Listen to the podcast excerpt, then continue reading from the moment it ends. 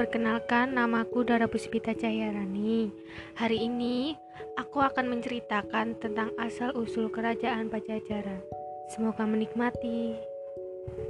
Suatu ketika, Raja Siliwangi memanggil seorang resi yang bernama Sidik Wicaksana.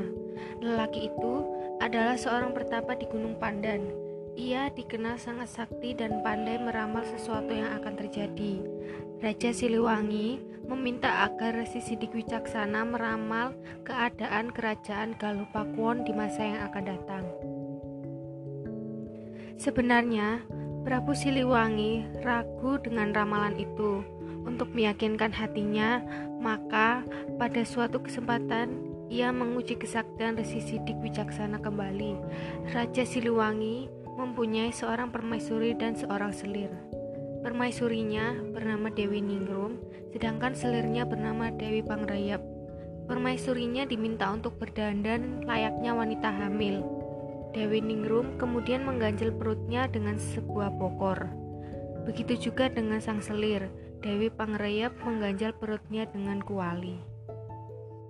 Keduanya seperti orang yang benar-benar hamil, Resi Sidik Wicaksana kemudian diminta untuk meramalkan anak yang dikandung kedua wanita itu.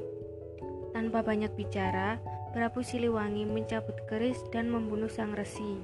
Seketika itu, Resi Sidik Wicaksana roboh ke tanah. Namun dengan sangat ajaib, tubuhnya berubah menjadi ular besar berkulit belang-belang. Seisi istana menjadi panik. Ular itu kemudian disebut Kiai Polen. Perlahan-lahan, Kiai Poleng pergi kembali ke Gunung Pandan.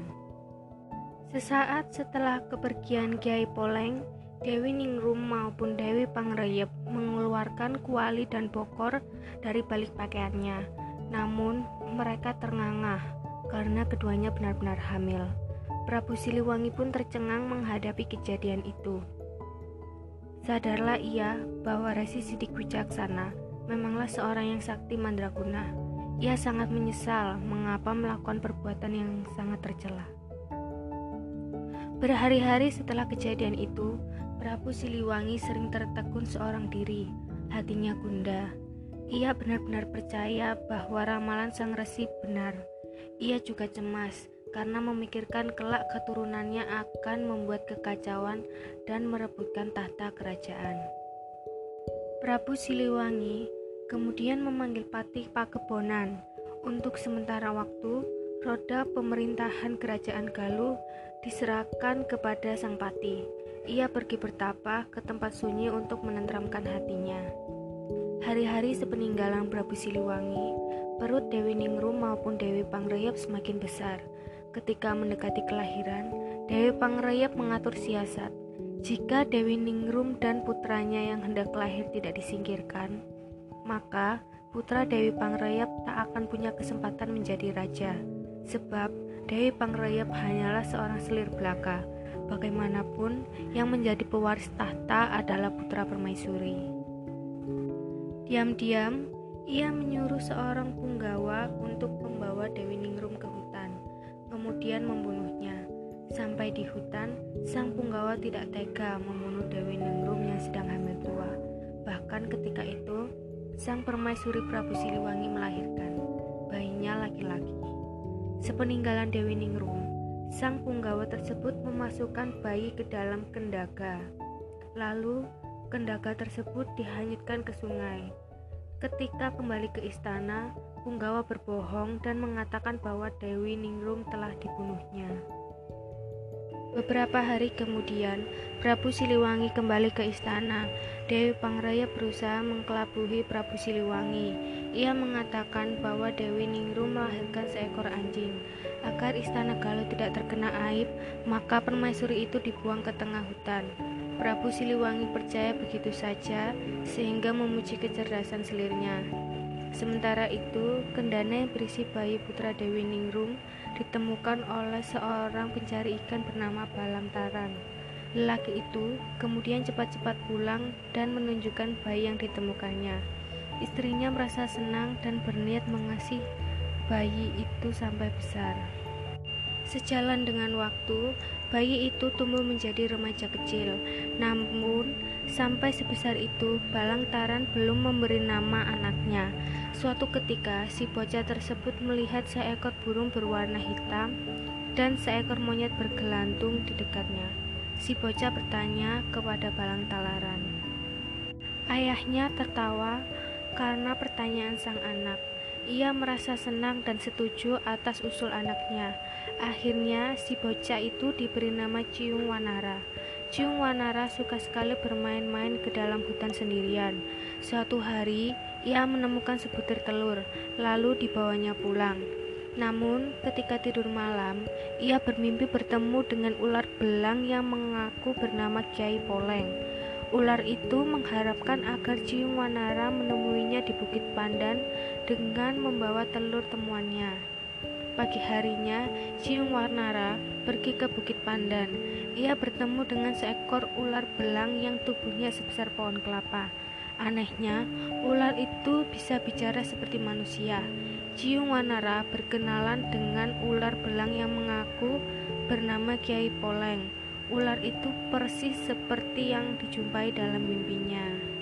Dari cerita Kiai Poleng, Ciung Wanara akhirnya mengetahui bahwa sebenarnya ia adalah putra Prabu Siliwangi dan pewaris tunggal tahta kerajaan Galuh Pakuwon. Kiai Poleng pun menceritakan bahwa Ciung Wanara adalah anak dari seorang permaisuri bernama Dewi Ningrum yang kini bertapa di hutan larangan. Akhirnya, Kiai Poleng meminta telur yang dibawa oleh Ciung Wanara untuk diiraminya. Setelah hampir sebulan, Ciung Wanara diminta untuk datang lagi ke Bukit Pandan. Ketika Ciung Wanara datang lagi, telur itu menetas menjadi anak ayam yang sehat dan cantik. Ciung Wanara kemudian memeliharanya. Ternyata anak ayam tersebut diketahui sebagai si jantan. Bahkan akhirnya menjadi ayam aduan yang tak terkalahkan oleh musuh-musuhnya.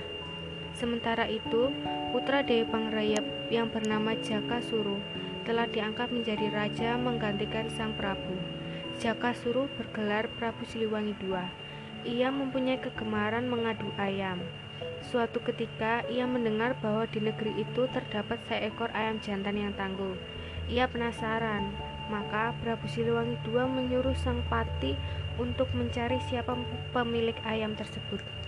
Ciung Wanara diajak oleh Pati ke istana dengan membawa serta ayam kesayangannya. Raja Siliwangi II tertarik untuk mengadu ayamnya dengan ayam milik Ciung Wanara. Dua ekor ayam yang sama-sama tangguh pun diadu. Ternyata ayam istana dapat dikalahkan oleh ayam Ciung Wanara.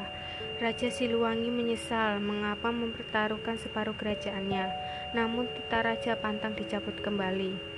Akhirnya, kerajaan Galuh Pakuwon dibagi menjadi dua, yaitu Galuh Barat dan Galuh Timur. Galuh Barat diberikan kepada Ciung Wanara. Semenjak peristiwa itu, Prabu Siliwangi II merasa tidak puas.